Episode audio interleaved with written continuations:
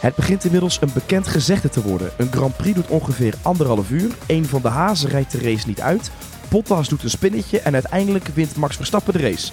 Tof dat je weer luistert. Je bent aanbeland bij de 32e aflevering van de enige echte Formule 1 podcast van Nederland. Die van Racing News 365, mede mogelijk gemaakt door onze racevrienden van DHL. Mijn naam is Joris Mossendijk, gastheer, host, teamcaptain, hoe je het wil noemen van deze podcast. We gaan terugblikken op de Grand Prix van Mexico en dat doen we met autocoureur Tom Coronel. En Tom, weet je uit je hoofd de hoeveelste beker je dit weekend mee naar huis hebt genomen eigenlijk? Oef, nee, nee, dat weet ik echt niet. De koffer zat wel weer helemaal vol. Ik wikkel ze dan altijd in mijn uh, natte racepakken die uh, stinken naar champagne. Um, zodat ze niet breken. Zo ik zie in ieder geval wel even Rocco laten zien. Zo, papa heeft er weer twee gewonnen. Dus even voor de goede orde. Je ja, twee bekers dan, hè? Niet twee races, maar twee bekers. Ik wil zeggen, je was deze, dit weekend in Italië en je hebt zo even kennis laten maken met de familie Coronel. Ja, we hadden de eerste race in, uh, in Adria uh, voor het wereldkampioenschap Tourwagens. Ik had goed gekwalificeerd. Uiteindelijk uh, ging derde van start. En dan een hele vette race samen met Girolami en die, of sorry, Quereri. En die, die kon ik pakken met een beetje tikkie-takkie gedoe. Want bij onze Tourwagens kunnen natuurlijk een heel klein beetje... Ja, was een, mooi, was een mooi duwtje, ja. meneer Coronel. Ja, Klein dus, tikje op de achterkant. Ja, huppatee. En er voorbij. Hey, en je hoorde hem al, ik doe het ook samen met het meesterbrein achter Racing News 5, Ruud Timmers. En Ruud, even los van Verstappen en Perez, van wie heb je het meest genoten? Van wie heb ik het meest genoten? Uh, van, de, van de fans. Ik vond de race nou niet uh, mega boeiend. Ik bedoel, uh, er gebeurde niet al te veel, maar... Nee, het was wel dat Mexico, het Mexicaanse publiek, het leek gewoon net Zandvoort, joh. Het stadiongedeelte daar. Ja, ik denk dat, dat Tom volgend jaar maar naar Mexico moet gaan in plaats van naar Abu Dhabi. Um, ja, nou ja, als je het zo zegt, zeker. Maar als ik zelf een raceweekend heb, dan weet je, dan, uh, dan kies ik toch echt eerst daarvoor. Maar inderdaad, ja, ik, ik ben hier nooit geweest in Mexico en ik, ik zag het weer op afstand. En ook daarna die DJ's, ja, dat, dat weet je, dat gaat het gewoon helemaal los. Het, sfeertje blijft gewoon heel positief. Ik zou zeggen, is het niet een goed idee dat gewoon in plaats van de Porsche Supercup gewoon eh, Tom Coronel en zijn hele gang uh, met het Formule 1 circus meereist? Hoezo dat dan? Uh, Porsche je bedoelt het uh, wereldkampioenschap Tourwagens? Ja, dat jij gewoon meerijdt met uh, de Formule 1. Dat je iedere keer dat je het, het voorprogramma bent van, van de Formule 1. Dat zou ook leuk zijn. Ja, ik, uh, als de organisatie dat, uh, dat kan fixen, why not? ik denk dat Porsche er alleen heel veel centjes voor betaalt dat zij een voorprogramma rijden. En ik denk bij ons is het precies andersom. Dan moet de organisatie altijd ons betalen. hey jongens, Mexico werd voor de derde keer in vier jaar tijd Mexico. En Sergio Perez stal wederom de harten van honderdduizenden Mexicanen. Het is tijd voor een terugblik en dat gaan we doen aan de hand van een aantal stellingen. Red Bull speelde een verstoppertje in de kwalificatie. Echt niet. Nee, nee, nee, nee, nee. Nee, verstoppertje spelen, dat, uh, dat, is, uh, dat, dat, dat, denken mensen wel eens bij de Formule 1. Maar dat gebeurt helemaal niet. Het is uh, eigenlijk gewoon andersom. Het is, weet je, als je eventjes niet scherp bent, dan zie je in één keer dat je er niet meer bij staat. En dat is gewoon wat er, wat er gebeurde. het was wel mooi, hè? het was wel even de, de paniek. Ik zag hem echt niet aankomen. Ik had zoiets van, wat gebeurt hier?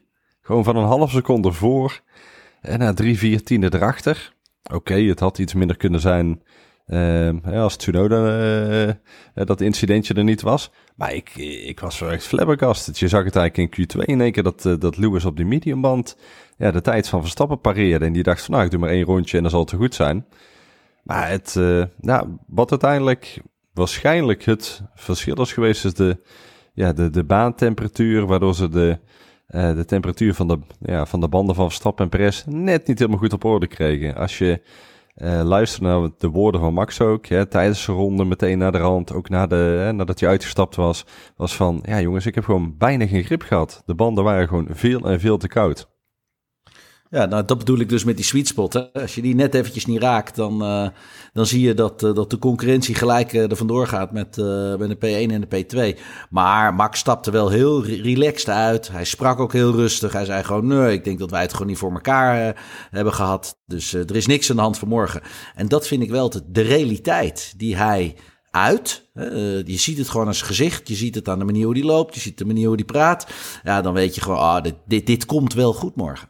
Hij zei heel mooi, iets als in, in de trend van... Uh, nee, Mercedes was niet zo goed, wij waren gewoon zo slecht. Juist, Dat was een goeie. Maar hadden jullie ook, kneep jullie hem ook even een klein beetje voor de race? Of dachten jullie wel van, ah joh, hij pakt hem de zondag wel gewoon?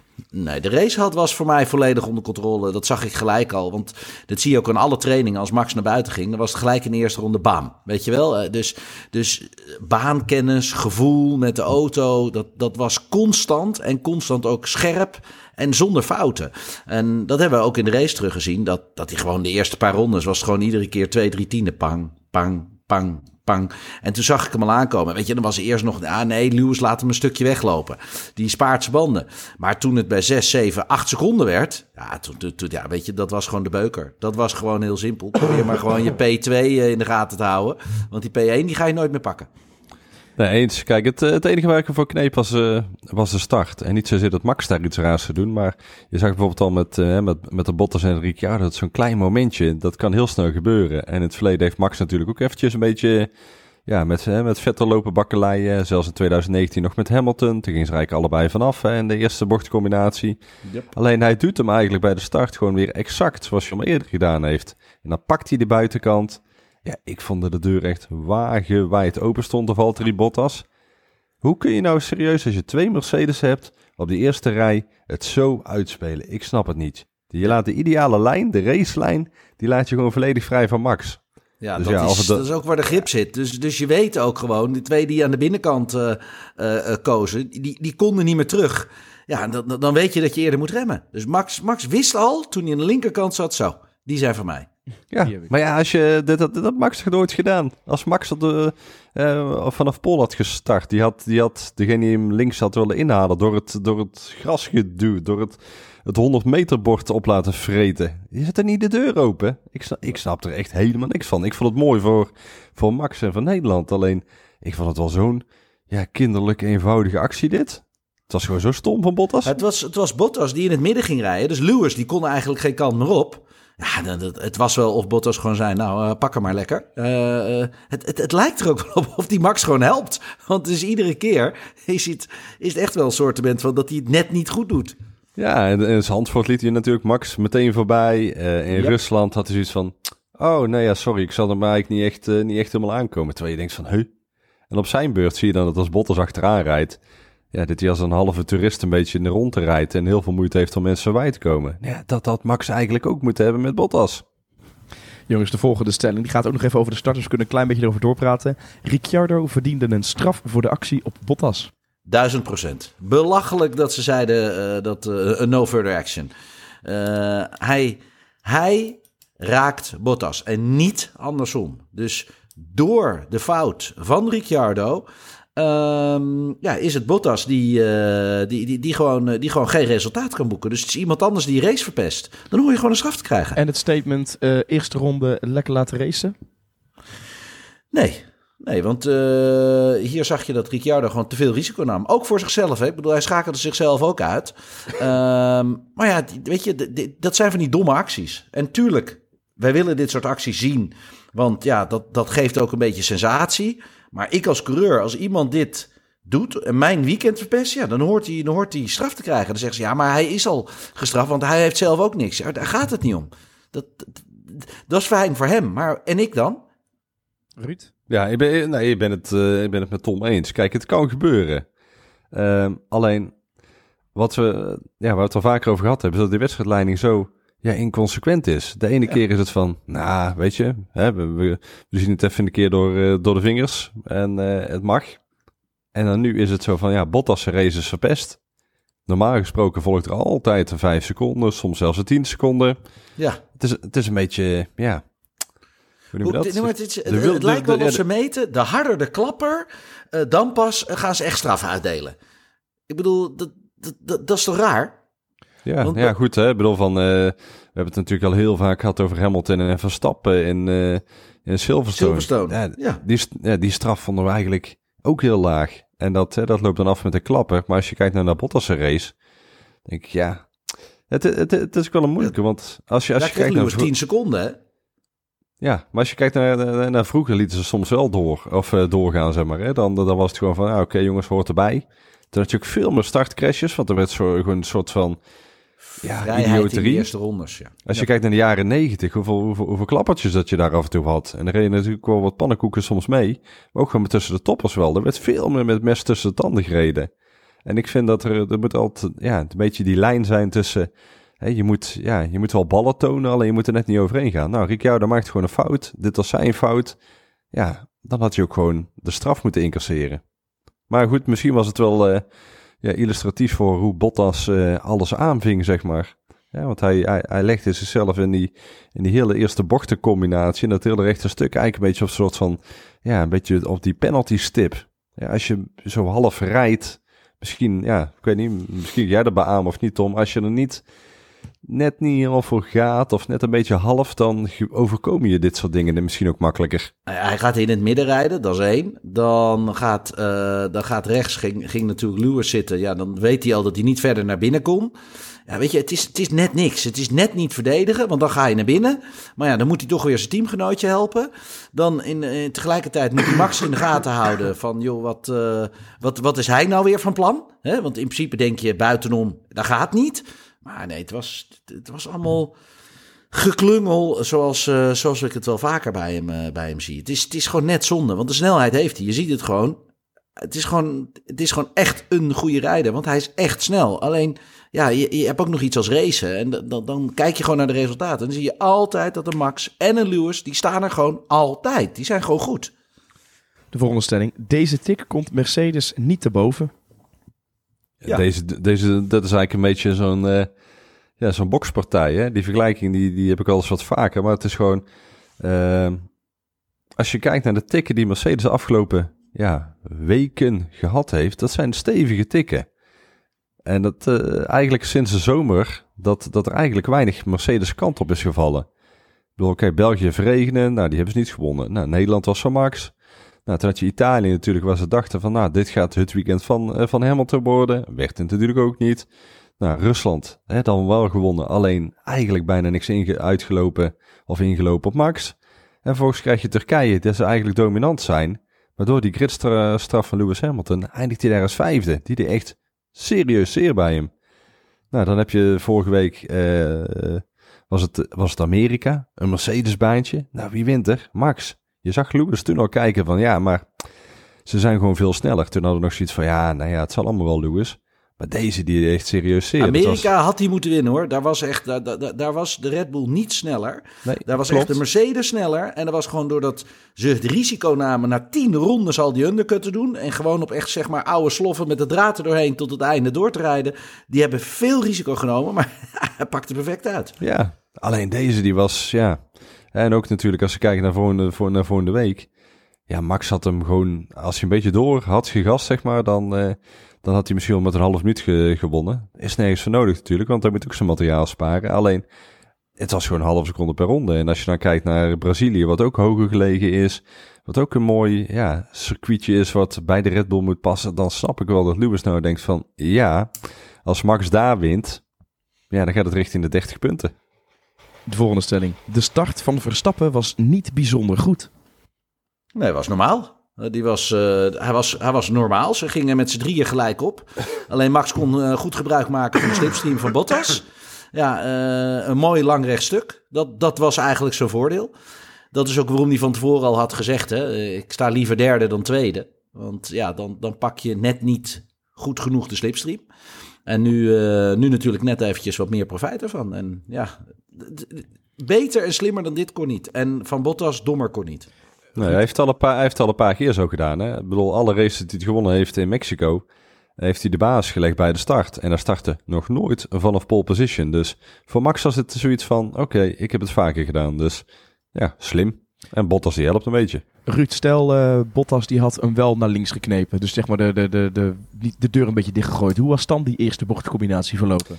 Dan zou, eh, als ik Lewis was geweest, dan zou ik eh, altijd rechts naast Bottas eh, aansluiten. Dan heb je ook gewoon het momentum dat Bottas hem zelfs eventueel voor kan laten bij die bocht.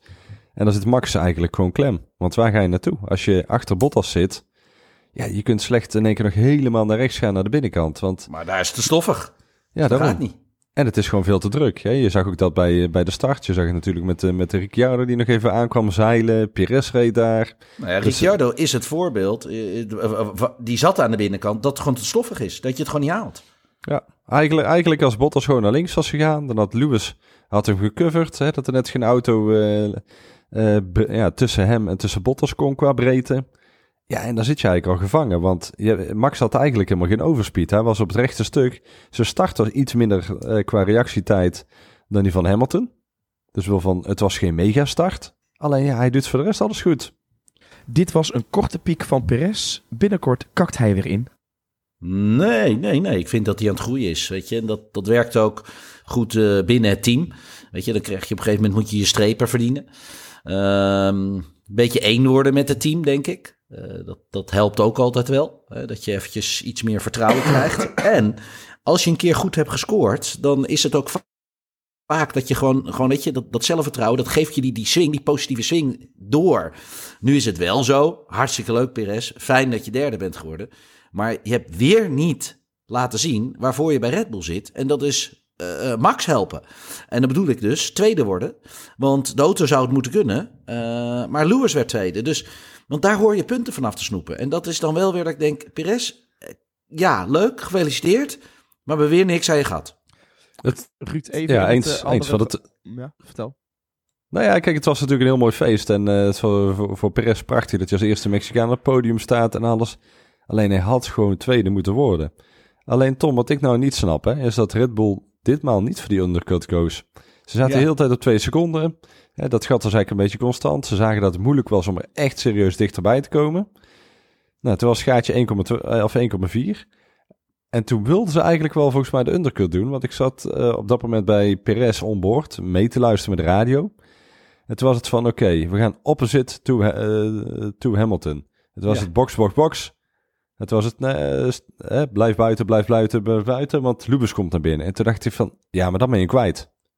Ja, maar ik denk dat ze, die, dat, dat ze niet het vertrouwen genoeg hadden voor die undercut. Eh, dus dat is één. Eh, en ik denk ook dat ze gewoon niet echt exact door hadden eh, wat Lewis wel, aan het doen was. Kijk, wat ze wilden was Lewis natuurlijk onder druk zetten. Voor, voor zekerheid te kiezen met Max. Dat is één. Dus dat was, dat was even prio. En dan ga je inderdaad precies of sync rijden van Lewis. Dus precies het omgekeerde doen. Ja, en dan, dan maar hopen dat, dat die banden eraan gaan. Want Lewis stopte ja, best wel vroeg in vergelijking met de Red Bulls. En dan zou je dus denken, ja, de banden zijn een stuk beter. Dat klopt ook, want je zag dat eh, Perez echt heel makkelijk naar Lewis toe. Maar er naartoe is er niet voorbij. En dit is datzelfde kunstje waarom Max die snelle undercut heeft gedaan in Amerika. Eh, want hij zei namelijk ook, waar was het vorig jaar? Ik geloof, waar was het ergens? In de woestijn was het. Ehm, was het Abu Dhabi? Was het, ja, volgens mij was het eh, daar waar Max tweede werd. En toen zei hij ook, ja, ik kwam, wa- toen moest hij hem even voorlaten. Weet je wel, dat ze iedere keer off-track gingen. Waar was dat? De, was het niet de eerste race in Bahrein? Bahrein was dat. Eerste race Bahrein. Ja, ja dan, dan moest hij hem voorbij laten. Toen kwam hij aan het eind, kwam hij er niet meer voorbij. En toen heb ik Max ook gevraagd, waarom kwam je er niet meer voorbij? En toen heeft hij letterlijk gezegd, Tom, het is heel makkelijk. Als de banden ouder zijn, ja, dan, en je gaat er dan achter rijden, dan heb je het voordeel om er wel naartoe te rijden. Maar als je dan te dicht achter rijdt, dan worden die bandentemperatuur wordt hoog. Ja, en dan, dan kan je er net niet voorbij. Als de banden vers zijn, dan kan het wel. Maar als ze allemaal wat ouder zijn, dan niet. Ook al zijn ze tien ronden minder oud. Dus nou ja, en dat was hier hetzelfde wat ehm eh Perez had. Ruud, Ja. stel even in het geval. Perez, zeg maar, we zaten in rondje 70 van de 71. Perez rijdt eerste, Verstappen rijdt tweede, Hamilton rijdt derde. Had Perez dan teamorders gekregen, Verstappen moeten voorbij? Ja, maar natuurlijk. Maar weet je, ik werd echt zo moe van die hele discussie. Ik snapte ook totaal niet waar die vandaan kwam. Want kijk nou gewoon naar de races. We hebben er nou, eh, wat is het, 18 gehad. Hoeveel keer heeft Perez überhaupt voor Max Verstappen gereden? En het ging het hele weekend alleen maar over... Als Perez voor Max rijdt, moet hij dan opzij? Mag Perez wel winnen? Mag Perez wel zus? Als Perez de pol pakt? Denk jongens, flikker toch een eind op. Hou nou eens op met die, met die rare theorieën. Ik werd er echt helemaal simpel van. Voor jou is het Eén. gewoon eh, simpel, simpel als... eh, Ja, het het nou ja, trio gewoon- is ja, maar- Max. Ja, maar sowieso. Hoeveel... Laat eerst Perez een keer in een situatie komen dat hij voor Max rijdt. Ja. In plaats van allemaal te gaan speculeren. Als Spakenburg Ajax uit de beker knikkert, ik noem maar iets, weet je. Ja ik, ja, ik kan daar echt helemaal niks mee. Het ging er iedere dag over. En ook bij, bij Tom, bij je collega's bij Ziggo. Ik denk, jongens, gaan we anders doen. Hou nou Ja. op. En tuurlijk, als je voor had gelegen op de een of andere manier. Ja, tuurlijk moest je opzij. Klaar. Het is gewoon helemaal geen, ja, nog ineens geen discussie waardig. Jongens, we gaan zo naar de DL-vragenronde, maar nog één hele korte stelling. Red Bull pakt ook de constructeurstitel dit jaar. Ja, Nou, ja, helemaal nu. Eh, nu. Nu Perez de, de, de swing te pakken heeft, ehm, heb ik het vertrouwen ervan dat, eh, dat dat zou moeten kunnen lukken. Ja. In de goede orde, het achterstand is nu nog maar één punt tussen Ja, eh, klopt. dan, moeten ze, dan moeten ze hem in Brazilië pakken. Oké. Het is tijd voor de DL-vragenronde. Racefans krijgen de mogelijkheid om een vraag te stellen en de redactie selecteert de leukste.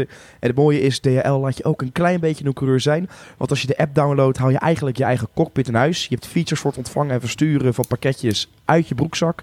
Ervaar hoe je de ideale lijn naar de snelste bezorging op de door jou zelf gekozen plek en tijd kiest. En je kan eigenhandig je boordradio instellen door pushnotificaties aan en uit te zetten. En de eerste vraag, we hadden het er net al even kort over, Patrick4500. Ik vraag me af waarom Perez geen undercut heeft gedaan op Hamilton. Want hij zat heel lang binnen die twee seconden. En volgens mij zou een undercut wel gewoon prima werken. Hebben we het net over gehad. Ja, ja, maar precies wat ik zei. Hè. Ze wilden hem eigenlijk dat rondje er binnen halen. En toen kwam Lewis. En ja, misschien hadden ze mee moeten klappen, misschien niet. Ze dachten van oké, meeklappen en een pak in de pits. Ja, dan moet je anderhalve seconde sneller zijn. Dat red je ook niet. Nee. Dus ja, toen hebben ze tien eh, ronden langer door laten rijden. In de hoop dat hij dan eh, in de tweede helft van, eh, van de race, echt in die slotsfase, ja, daarbij zou komen. Je zag dat hij, wat Tom ook al zei, je komt er één keer naartoe, echt goed naartoe. Alleen toen was, eigenlijk, toen was het te weinig en naar de rand, ja, dan lukt het net niet. Volgende vraag is van Jons. Die zegt, is Perez een toekomstige wereldkampioen of begint hij naast zijn schoenen te lopen? Dat was ook alweer zoiets. Ja, ik pak hem wel eventjes Tom. Ja, ook daar kon ik alleen maar om lachen, weet je. Dit is bijna dat hè, papa Strol zegt dat zijn zoon ook goed genoeg is voor de wereldtitel als je hem in een Mercedes zet. Ehm, en dan wil ik Perez niet helemaal gaan vergelijken met Lance Stroll. Maar het, het, het, verschil tussen Verstappen en Perez, dat is ongeveer zeg maar Bottas en Hamilton. En bij Bottas lachen we er ook ieder jaar om. En ik snap dat de Mexicaanse journalisten vragen aan Perez van, waar droom je van? En denk je dat je volgend jaar kans maakt? Ja, tuurlijk. Iedereen begint er op nul punten. Alleen Checo Perez die de wereldtitel eh, ja, in de Formule 1 verovert door Verstappen te verslaan. Nou ja, ik weet niet hoeveel uh, bezemstillen we dan op moeten eten. Nou, wat voor tatoeage neem je dan? nou, Tom, Tom, hè, Tom. Tom is de man van de tattoos. Ik, Ja. eh, ik ga nooit de tattoos beginnen. Maar ik denk dat eh, ja, Tom zo'n, eh, hoe noem je zo'n ding? Zo'n, eh, van, de, van de, dag, eh, de dag des dodes. Of, eh, de la wat? muerte. ja, die, die Mexicaanse maskers die ze altijd hebben. Oh, Ja. de, dag van, de dag van de doden. Ik denk dat zoiets dan wel uh, tattoo-vullend op jouw rug kan, of niet, Tom? Nou, laat maar zitten. Ik, eh, nee, maar weet je, kijk, eh, Jacques Villeneuve was ook wereldkampioen geworden. En Damon Hill ook. En die waren ook niet wereldkampioenschapswaardig. Tuurlijk, goede coureurs. Maar die zaten gewoon in de beste auto. Dus ik ga niet zeggen dat zo iemand geen wereldkampioen kan worden. Want mocht je nou even mazzel hebben met de auto en je, ja, eh, je collega's hebben een paar keer pech. Ja, dan zit je er gewoon wel weer heel goed bij. Eh, het was natuurlijk het jaar dat Michael Schumacher in een Ferrari ging zitten. Hadden we ook zoiets van, ja, dat, dat, dat was voor Williams natuurlijk wel heel makkelijk. En, eh en McLaren, weet je wel. Dus, dus, dus in, die, in die tijd zeg ik, als we dat weer gaan krijgen, dan, ja, dan kan Perez heus wel wereldkampioen worden. Maar, maar niet zolang die met Max en Lewis eh, in een goede auto of gelijkwaardige autostrijd. En Onmogelijk. volgend jaar Russell en eh, hè, dus er komt van Ja. alles aan. Wat in theorie ook gewoon beter is dan, dan Perez. En we mogen ook niet vergeten dat hè, Perez natuurlijk dit seizoen ja, het, het jaar ja, van zijn leven heeft. Hè. Vorig jaar zat hij eigenlijk gewoon zonder Formule 1 contract aan het einde van het seizoen. Tot Red Bull hem strikt. Was natuurlijk heel raar, hè? Die wint een race en had geen, eh, had geen Formule 1 contract. Dus dat, is maar goed dat Red Bull hem heeft opgepakt. Want anders was, was Formule 1 voor mij niet meer geloofwaardig geweest. Volgende vraag, Bert Renkema. Iedereen heeft het altijd over de afstelling van de voor- en achtervleugel. Maar mijn vraag is, hoe belangrijk is het afstellen van de remmen en de rembalans? Bij de start zie je- zie je Verstappen gewoon 40 tot 50 meter later remmen dan zijn collega's. Nou, nou, nou, 40, 15 niet. Maar Tom, die is voor jou deze. 20, het was 20 meter. ehm, en hij zat op de ideale lijn, dus hij kon ook laten remmen. En het was ook zoiets van Max, dat, eh, ja, hier kan je het proberen. Want als je rechtdoor schiet, ja, dan geef je gewoon de plek weer terug. Maar dan, ja, dan, dan, dan geef je jezelf ook een bepaalde vrijheid om het te kunnen proberen. En, en dan werkt het ook nog, want die jongens aan de binnenkant die weten dat ze het niet moeten verkloten. Dus die, ja, die, die zitten al op eieren op het moment dat ze in het midden en aan de binnenkant gingen rijden. Ehm rembalans heel belangrijk, tuurlijk. Eh, maar dat heeft vooral eh, te maken dat als de banden wat, eh, wat ouder worden, dan, dan zet je vaak de rembalans heel zachtjes ietsjes naar achteren toe. Hè. Dat heb je ook in de regen, dan doen we dat ook. Ehm, maar de downforce, dat heeft meer met de balans van de downforce te maken. Kijk, wat je vaak ziet is, uh, dat zag ik trouwens gisteren ook. Dan zag je, zie je met zo'n, uh, hoe heet dat? Uh, Zo'n boormachine zie ze bij de voorvleugel zitten. Die voorvleugel, daar zit namelijk een bepaald schroefsysteem op, dat ze die heel makkelijk omhoog of omlaag kunnen zetten. Dus daar kunnen ze de balans van de auto mee trimmen. Zo, dat is eigenlijk wat je doet. Um, dus dan zeg je, nou weet je wat, uh, ik heb uh, ietsjes te veel onderstuur, dan wil ik even ietsjes meer voorvleugel erbij hebben. En dat heeft natuurlijk te maken met die baanverandering van, van meer grip, minder stof, dat soort dingen. Ja, dus, dus als je het zo bekijkt, ja, dan heb ik wel zoiets van: uh, het is meer de balans die je trimt tijdens de race, zowel met de rembalans als met de aerodynamica. Thomas van Vlonderen 4 die vraagt zich af: de strijd om de derde plek bij de constructeurs is ook bizar spannend. Wie pakt die volgens jullie? Uh, uh, wat zei je? Ik zeg, de strijd om de derde plek bij de constructeurs is ook ontzettend spannend. Wie pakt die volgens jullie? Ja, nou ja, ik moet zeggen dat uh, Ferrari uitstekende zaak heeft gedaan. En McLaren was gewoon een beetje dramatisch had natuurlijk de gridstraf van Norris. Nou, die kwam ook niet echt naar voren. Um, hè, dan zag je weer hoe moeilijk inhalen tegenwoordig is. En dat je natuurlijk Ricciardo, die uh, ja, door zijn actie uh, ja, ook wel wat, ja, wat schade opliep. En ja, ik, ik, ben, ik was eigenlijk positief verrast door, door Ferrari. Ik had iets meer van, van, ja, van McLaren verwacht met het lange rechte stuk erin. Alleen dan zie je wel dat ze de downforce ook gewoon minder op orde hebben dan, ja, dan gehoopt. Ja, dat is, dat is dan die balans, weet je. Want in principe, zoals jij zei, uh, uh, ja, is die auto beter. Dat hebben we in het verleden gezien. Maar volgens mij heeft uh, Ferrari gewoon een paar stapjes gemaakt. En uh, had McLaren die daarvoor al gemaakt. Dus, dus in, in die hoedanigheid zie ik nu dat Ferrari net even wat sterker is dan een McLaren. Ja, alleen McLaren zou natuurlijk op theorie op Interlagos, Brazilië, wel ja, serieus hard moeten gaan. Alleen dat, ja, dat dacht je nou ook een beetje met die rechte stukken hier. Alleen ja, het lijkt toch wel echt dat ze ook gewoon wat downforce missen. En dat Ferrari dan die stap heeft gezet. Maar ja, het is, het is close en die gaat uh, denk ik in de laatste, laatste race beslist worden, Joris. Oké, okay, nou ook voor uh, Thomas van Londeren. De laatste race, daar gaan we het pas zien. Maximaal Verstappen, die zegt, ik vraag me af waar het grote verschil in zat. Dat Mercedes tijdens de kwalificatie zo'n goede balans had. En Hamilton in de vrije lucht tijdens de race nog altijd aan het glijden was. In sommige bochten. En voor Red Bull vice versa. Ja, ik, wacht even. Dat, dat, hier, hier, hier wil ik wel wat op zeggen. Dus, kijk, weet je, als je met de, de banden, de eerste twee rondes, dan, eh, dan pakken de banden het meeste over. Hè? Samen natuurlijk met de aerodynamica en de motor. Maar dan zijn de banden het belangrijkst. Um, maar op het moment dat de banden slechter worden, ja, dan is dus de balans met de auto weer belangrijk. En daarin zag je dat, dat um, Mercedes goed was in die eerste twee rondes. Dat de banden heel sterk waren. En dan zag je dat ze daarna, als de banden wat minder werden, gewoon de balans niet hadden. Ulco Lagenstreep Damen Tom, ik wil van jou graag een lofzang horen voor Pierre Gasly. Hij is wel gewoon vierde geworden. Ben ik het helemaal mee eens. Die zijn we helemaal vergeten. Wie? Wie? Uh, uh, Pierre Gasly. ja, die heeft het serieus goed gedaan. En zoals jullie weten, ik ben fan van Pierre Gasly. Uh, omdat ik vind dat hij eigenlijk het Red Bull zitje had verdiend. Ehm, ik vind hem heel erg goed. En als je ziet hoe die ontwikkelingen is geweest van, de, van die laatste twee, drie jaar, weet je wel, dat hij eventjes in een dipje zat en hoe je hem ziet terugkomen en binnen het team echt ziet groeien, ja, dat, dat, dat heeft hem sterk gemaakt in zijn hoofd. Maar kijk, kijk maar eens naar hem. Als in een interview, kijk, kijk eens naar die, die oogjes. Het interview met Gasly van gisteren, ah, die, dat was die, die smile en die energie die hij uitstraalde. En dat gaat er nu nooit meer uit. Van nu af aan dit is waar hij hoort en staat. En dan zeg ik niet op die vierde plek, dat zeg ik dan niet. Want de Honda-motor deed natuurlijk heel erg goed. Ik krijg natuurlijk heel veel informatie van de Red Bull. Maar hij zelf als persoon, ja, ja hij vreet iedereen op als teamgenoot naast hem. Hij was, uh, hij was zeer, zeer goed weer. En dat, uh, ja, hij, hij, reed helemaal anoniem. Dus daarom zei ik van, wie? Maar het is, uh, maar het resultaat was er wel. ja, zeker. Ruud, is het niet een zegen misschien dat hij nu nog gewoon een jaartje weer Alfa Tauri zit? Even nog lekker die puntjes pakken. Want eigenlijk iedere, iedere goede punten die hij pakt is maar meegenomen. En over twee, drie jaar dat hij dan lekker naast Verstappen komt in de Red Bull. Ik zie hem niet meer terugkomen. En dat uh, heb ik al vaker gezegd. Van, het lijkt erop dat er iets is tussen, ja, tussen hem en Marco en Horner wat net niet helemaal klikt. Maar dat, uh, nou ja, kijk, uh, dit is een beetje alsof je een van de een hele goede spits. Ja, ergens een beetje stalt bij een echte ja, subtopper of iets wat een beetje tweede, eh, begin tweede rijtje in de Eredivisie speelt.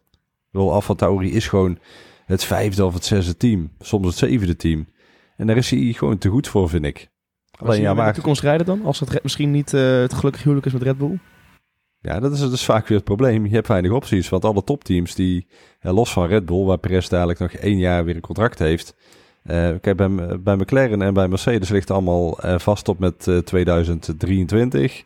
Nou, Max rijdt tot met 2023. Leclerc en Sainz geloof ik ook allebei tot met 2023. Dus ja, wat, wat, heb, je, wat heb je aan opties? Um, hij wordt heel vaak gelinkt aan hè, Renault, Alpine hè, natuurlijk. Als Alonso heeft zou hij het willen? Ja, Alonso heeft een aflopend contract. Nee, dan zou je in theorie dus naar een fabrieksteam kunnen. Nee, als Fransman, samen met Ocon. Nee, nee, dat kan altijd. Alleen, ik zie, hem, uh, ik zie hem gewoon blijven waar hij zit. Ik zie voorzichtig dat het team verkocht wordt aan een Porsche of een Audi. Dat is, dat is meer in die, uh, in die richting dat ik, het, uh, dat ik het zie. Ja, nee, die kijken naar 2026. Ja, zo lang ga je ook weer niet zitten natuurlijk. Waarom niet? Dan blijft er gewoon lekker zitten waar je zit. Je zit hier ja, heel erg goed. maar dan, ben je toch op een gegeven moment een beetje de, de Checo Perez van, van Alfa Tauri. Hè, die dan rij je hele carrière voor één team in de subtop. En dan heb je één overwinning geboekt en misschien een keer een podiumplaats. Terwijl er eigenlijk veel meer in zat. Ik zou veel liever uh, voor Alfa Tauri rijden dan, uh, dan voor Alpine uh, momenteel. weet je, als, als coureur zijn, dan wil je gewoon voor de betere auto kiezen. Ja, El, nou, het enige leuke bij Al, Alpine Renault is natuurlijk wel dat ze ieder jaar hebben weer een nieuw plan. En dat is altijd weer een nieuw meerjarenplan. Want we weten nog toen, eh, toen Verstappen met die Renault motor reed, als het ja, volgend jaar hebben we het op orde. Volgend jaar zijn we van het niveau van de Mercedes motor. Nou, toen was het, ging Red Bull ging, ging weg en toen was het van ja, we gaan met ons eigen team gaan wereldkampioen worden. Ja, dit jaar niet, maar volgend jaar moet het uh, podiumplaats worden. Het jaar daarna de zegen en misschien wel de wereldtitel. Dat is alweer een paar jaar geleden. Toen was ja, 2022 als de nieuwe auto's komen. En nou is het, nou is het alweer, uh, jongens, uh, we hebben weer een nieuw 100 race plan, of 100 races plan. Toen zei ons wel hoogstwaal van, ja maar jongens, ik weet niet of ik dan nog ben, vrienden. ik denk dat is onze voor het, uh, voor het 45, tegen de tijd het misschien wel mee kunnen doen. Maar ja, het, het, het ontbreekt er wel gewoon aan, aan een stukje ja, visie, leiderschap, kwaliteit. Misschien maar daarom gaat Wesley daar niet naartoe. Ik kan zeggen, ze hebben een beetje een Zack Brown nodig volgens mij. Die heeft het ook aardig op de rit gekregen. Ja, ja. Misschien het uh, Abite het nog niet zo slecht deed. Jongens, tot zover de DHL-vragenronde. We gaan even terugblikken op de voorspellingen die jullie ingevuld hebben. Ik uh, vroeg namelijk uh, welke van de twee coureurs die ik ga noemen eindigt hoger en de top 3 van de race. Daar stand hiervoor, even een kleine reminder, was 8-5 voor Tom Coronel. En de nieuwe stand, hebben jullie eigenlijk enig idee hoe jullie het een beetje gedaan hebben? Volgens mij hebben de winnaar allebei goed. En Lewis op, uh, op twee. De winnaar hebben jullie allebei inderdaad goed. Ik heb geen idee. Had ik, uh, ik heb Perez denk ik op twee gezet, omdat ik vond dat uh, Perez tweede moest worden. Ja, nou, dat was hij ook bijna. en dan, uh, en dan, en dan Lewis hebben voor, volgens mij de top drie hetzelfde, denk ik. Ik pak hem even erbij, want met de top drie ga ik even snel kijken hoor. Hadden jullie allebei Verstappen op één, Perez op 2 en Ruud, jij had Norris op 3 en Tom, jij had uh, Hamilton op 3. Dus daar hebben jullie allebei één puntje gescoord. Ja, en dan komt het nog even eraan uh, wat jullie gedaan hebben met de coureurs. En, en de nieuwe tussenstand is 13-8 in het voordeel van Coronel. Lekker, lekker, lekker. Ik hou van competitie. Al gaat het nergens over, ik hou van competitie. ja, dan, ben, dan ben ik wel benieuwd wat Tom, uh, wat Tom voor, voor, voor bouwde voorspellingen heeft gedaan. Wat zeg je? Nee, gewoon wat, wat, waren dan de, wat waren de andere vragen? Ik weet het allemaal niet meer. Joh. Oh, de andere vragen, dat was de uh, wie gaat hoger eindigen? Was het een uh, Leclerc of een Norris? Ja, nou, dat had ik natuurlijk Norris gezegd. Daar had jij uh, Norris gezet. Het ging over een. Even, moet ik even snel kijken hoor. Het ging over een Verstappen en een, en Hamilton. Die hadden jullie wel allebei goed. Het ging over een Latifi en een Raikkonen.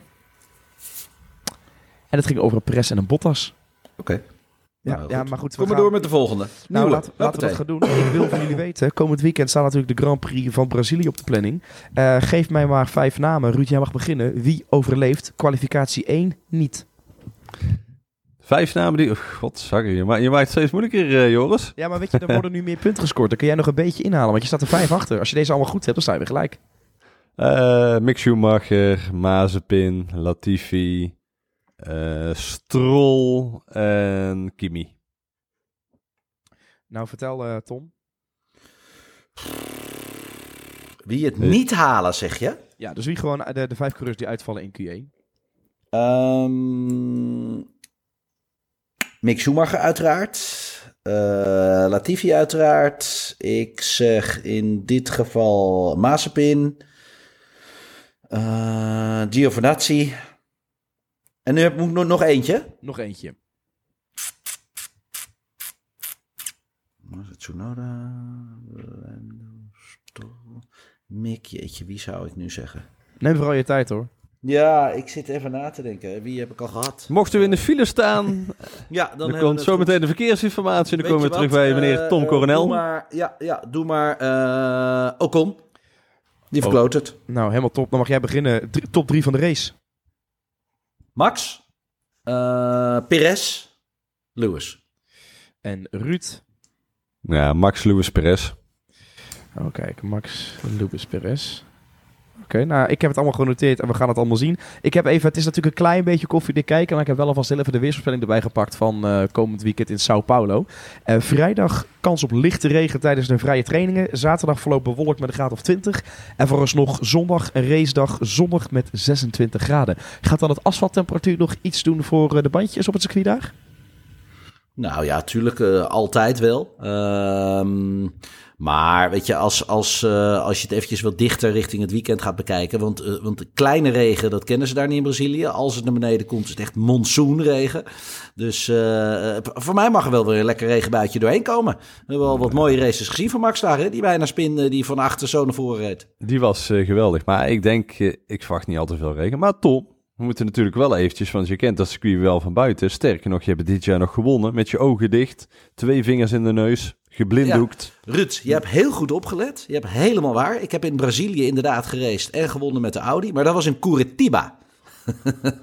Tom, ja, daar gaat het helemaal. Ik heb, ik heb voor de podcastopname helemaal met Tom lopen spreken. Hey Tom, heb jij hier een ronde gereden? Dat je anders is zo lullig om het weer te zeggen en je moet weer nee zeggen. En dan komt Ruud er weer tussendoor.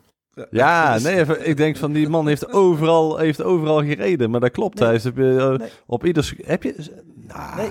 Nee. Hoe, kan, hoe kan dat nou? In je 88-jarige racecarrière, 383.000 races. Ik heb dit jaar heb ik uh, twee nieuwe squeeze hebben te pakken gehad. We hebben Adriaan natuurlijk, waar ik afgelopen weekend heb gereden. Ik heb natuurlijk uh, twee weken geleden Po. Ja, uh, Paul Arnos. Ik, ik, ik, ik, had er überhaupt nog nooit van gehoord. Dus uh, nee hoor, uh, ik, ik heb dit screen nog nooit gereden. Dus sorry jongens, ik kan jullie niet meenemen met een ronde. Jongens, volgende week extra, extra veel plezier. Want dan gaat hij en in de podcast gaat hij een rondje doen over het circuit. En er komt een video op ons YouTube kanaal waarin het om ons alle haken en ogen, bochten, curbstones, zandbakken uit gaat leggen van, van, van Qatar. Dus dat gaat helemaal goed komen. Hey, wat zullen we zeggen? Zullen we nog even heel kort een paar Brazilië-stellingen doen? We zijn hier toch lekker bezig? Ja, ja hoor. Interlagos is een van de vetste circuits van de kalender. Nee. Nee. Ja, maar ik hoor wel lichte twijfel, Tom. Nou, weet je, het, het, zijn wel hele vette races. Maar het circuit zelf is, is gewoon niet meer de, de, de specificaties zoals je het nu zou verwachten. Als je zoveel gave circuits hebt, heb je het natuurlijk over Spa. Uh, de, weet je, de, de, ja, de, nee, deze niet. Nee. Het, het draait alleen om het lang recht stukje. Ik bedoel... Wat wel uh, vet is aan deze baan is, hij is linksom. En dat doet, uh, dat doet lekker pijn aan het nekkie. Ja, dat weet Jos Stap alles van toen. Hè? Oh, ja. en, toen had hij echt uh, kans op het podium tot zijn nekje eraf, uh, eraf viel. Maar ja, het, het circuitje is, ja, het is, het is leuk, het is vermakelijk om naar te kijken. Alleen is het nou ja, het meest boeiende, het meest ja, boeiende circuit? Nee. Ja, je hebt dat lange rechte stuk, je hebt het hoogteverschil erin. Je hebt het aanremmen bij die, bij die Senna S's en dan, uh, ja... Dan even een logische korte vraag. Wat is dan wel de meest spectaculaire race van het circuit? Van, van de kalender, sorry. Nou ja, als je, als je kijkt naar, naar uitdagingen circuits, dan denk ik dat een uh, uh, pakken Spa-Francorchamps, dat is natuurlijk honderd keer, ja, honderd keer gaver als coureur. Suzuka, dat zijn de circuits. Ik denk als je aan een Formule 1 coureur vraagt, uh, doe, doe me even de top 5, dan zit Spa en Suzuka erbij. Ja, ik denk Silverstone dat er vaak ook wel bij zit. Vaak Monaco vanwege het kwalificatierondje. De volgende stelling. In Brazilië gaan we de, uh, sorry, de Mercedes motor gaat hier serieus tekort komen. Nou ja, dat, eh, dat viel uh, in Mexico ook nog wel mee. En dat hebben we het eigenlijk nog niet over gehad. Um, kijk, de, de Mercedes was nog, stel, nog steeds gewoon razendsnel op de rechte stuk. En Lewis pakte gewoon drie tiende per ronde. Gewoon uh, op dat rechte stuk. Alleen het verschil was waarschijnlijk toch gewoon kleiner dan onder normale omstandigheden op C-niveau. Waardoor Red Bull er ook gewoon voor koos om met een iets grotere achtervleugel en met iets meer downforce te rijden. Want daar wonnen ze het gewoon.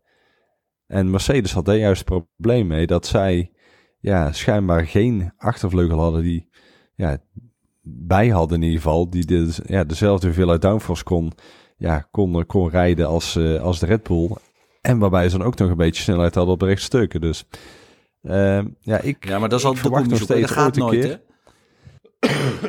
Nou ja, in, het, verle- in het verleden hadden ze natuurlijk die, die, die motor was zo sterk dat ze met meer downforce nog konden rijden dan de concurrentie.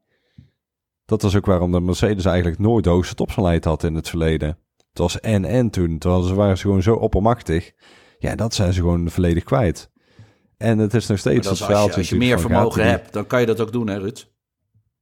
Ja, daarom. Ik zal dat zijn ze helemaal kwijt. En eh, ik denk dat ze nog steeds wel iets meer vermogen hebben. Alleen ze hebben minder downforce dan de Red Bull. Dat is sowieso wel duidelijk. Maar ja, Brazilië. Ja, ik weet het niet. En ik, eh, ik twijfel nog steeds. En ik blijf, eh, blijf erin geloven dat Lewis ergens nog een gridstraf moet incasseren. Ik blijf het volhouden. Je blijft volhouden. Nou, dan gaan we naar de volgende stelling. Want een 1-2 voor Red Bull is hier eerder realiteit dan utopie. Dan moet Perez het net ietsje beter voor elkaar hebben soms. Ja, of hij, gaat voor al. Hamilton, hè? Ja, oké, maar als je het, ik ga altijd uit van het scenario eigen kracht. En dan zie je dat Perez aan het, aan het groeien is. Alleen ik weet zeker dat Max op de een of andere manier, als die op, op de plek van Perez had gereden, die had hem wel ergens geflikt. Die had wel die plek van Lewis gepakt, hoe moeilijk het ook was. En het kan, hè. Dus in het verleden heeft eh, Albon heeft, eh, heeft Lewis ook ingehaald eh, in Brazilië, in de Red Bull. Dus ja, als Albon het kan, dan moet Perez het ook kunnen. En de stelling waarvan je wist dat die zou gaan komen. In Brazilië winnen en het wereldkampioenschap kan Verstappen bijna niet meer uit de vingers glippen. Ja. Ja, Ja, ik heb eh, Abu Dhabi geboekt. Ik denk dat ik, eh, dat ik eh, Jeddah, Saudi-Arabië of, of misschien zelfs wel Qatar zou moeten boeken. Want ja, het ziet er toch wel weer veel beter uit dan... Ja, dan maar Qatar. Qatar, Qatar is wel heel vroeg, hè? Want hij staat er nou 19 Ja. voor. Nou, laat, laat hem winnen, laat Perez tweede worden en, en Lewis dan derde. Ja, dan, dan, dan, dan pak je 10 puntjes. Nou, dat zijn er 29. Misschien nog iets voor de snelste ronde. Vaak, ja, als Lewis die pakt is 28. Is maar één race, hè? Dus ook al ga je naar Qatar, dan kun je alleen maar daar wereldkampioen worden als Lewis uit zou vallen en Max zou winnen. Dus, maar ik heb hem eh, de vorige keer al gezegd. Ja, Saudi-Arabië misschien wel. Alleen, Misschien moeten we dat even met Racing News naartoe dan. nou ja, ja nou, we zijn er al geweest, hè? We hebben al eh, een hele mooie reportage gemaakt van de circuit en, eh, en aanbouw. Hè, er wordt heel hard gewerkt om het allemaal op tijd af te krijgen. Dus ze zijn niet overal heel snel in, hebben we inmiddels gemerkt. Hè, vanuit de organisatie. Maar ja, bouwen, dat, eh, dat schijnen ze te kunnen als het beste. Dus nou, we wachten gewoon af. Mocht je eerste indrukken willen krijgen van het eh, circuit van het straatcircuit van Jeddah, check even het YouTube kanaal Racing News 365. Dat was onze eh, reporter, kun je wel zeggen, Aaron Dekkers. En die heeft je meegenomen over een rondje op het circuit in Jeddah. Ja, dat Ja, is ja. Hm? Je herkent nog geen circuit hoor daar. Nou, je Dus, ziet wat eh, asfalt en wat lichtmasten. Dus op zich, ja. het begin is gezet. Ja, echt even kijken. Jongens, dat was hem vandaag. De podcast van Racing News 365. Eh, als je zelf wil voorspellen, nou ja, dat kan. Dat kan gewoon via de site van Racing News 365. Maak je ook nog eens kans op hele toffe prijzen. Vond je dit nou een toffe podcast? Vergeet je dan niet eh, te abonneren, de podcast op te slaan en te volgen. Vinden wij ontzettend leuk en zo help je ons beter gevonden te worden. Even korte weekendplannen. Ik heb begrepen, Tom, jij gaat vliegt dinsdag naar de andere kant van de wereld. Ja, dat klopt. Ik vlieg dinsdag naar Buenos Aires. Daar zal ik weer rijden met, eh, met de Audi eh, van het eh, South American TCR-kampioenschap. samen met Baptista. En de vorige keer hebben wij gewonnen in Curitiba. Dat was dan Brazilië. En nu rijden we in Buenos Aires. Het, het mooie circuit daar midden in de stad. Super oud. Ook vroeger veel Formule 1 eh, geweest. Heel hobbelig. En daar ben ik weer op uitnodiging. Dus ik zal dinsdagavond die kant op vliegen. Dus ik hoop zondag weer een bekertje mee naar huis te nemen. Nou kijk, nou ja, wil je dat willen weten, dan kan altijd Tom Coronel op de Instagram gewoon Tom Coronel. Dan kun je kijken of hij weer eh, uit, één beker uitloopt op zijn zoon Rocco. Ja, dat is altijd toch een goede strijd tussen die twee. Helemaal waar. Jongens, via Racing News 5 blijf je altijd op de hoogte van het laatste Formule 1 nieuws. Wij zijn de volgende week weer en dan gaan we nabeschouwen. Wacht, wacht, Oh, wacht, wacht. Even, even inbreken. Ja, de mensen zijn bijna in slaap gesust. Maar ze kunnen nog eenmalig stemmen de laatste week voor de website van het jaarverkiezing. Ah, kijk, website van jaarverkiezing. En welke site moeten ze daarvoor zijn? Website van het jaar. Nou. Ga naar de categorie sport en stem op Racing News. Zodat we hem voor het vierde jaar op rij kunnen winnen. De afgelopen drie jaar zijn we de beste en de populairste sportwebsite van Nederland geworden. Dus we gaan graag voor vier op rij. Vier op rij. Website, wat de website van het jaar.nl was het, hè? Ja, Website van het jaar.nl. Tof zijn als je een stem achterlaat. Zijn wij de volgende week weer en dan gaan we nabeschouwen op de Grand Prix van Brazilië. En voor nu zou ik zeggen, tot de volgende. houdoe. Doei doei!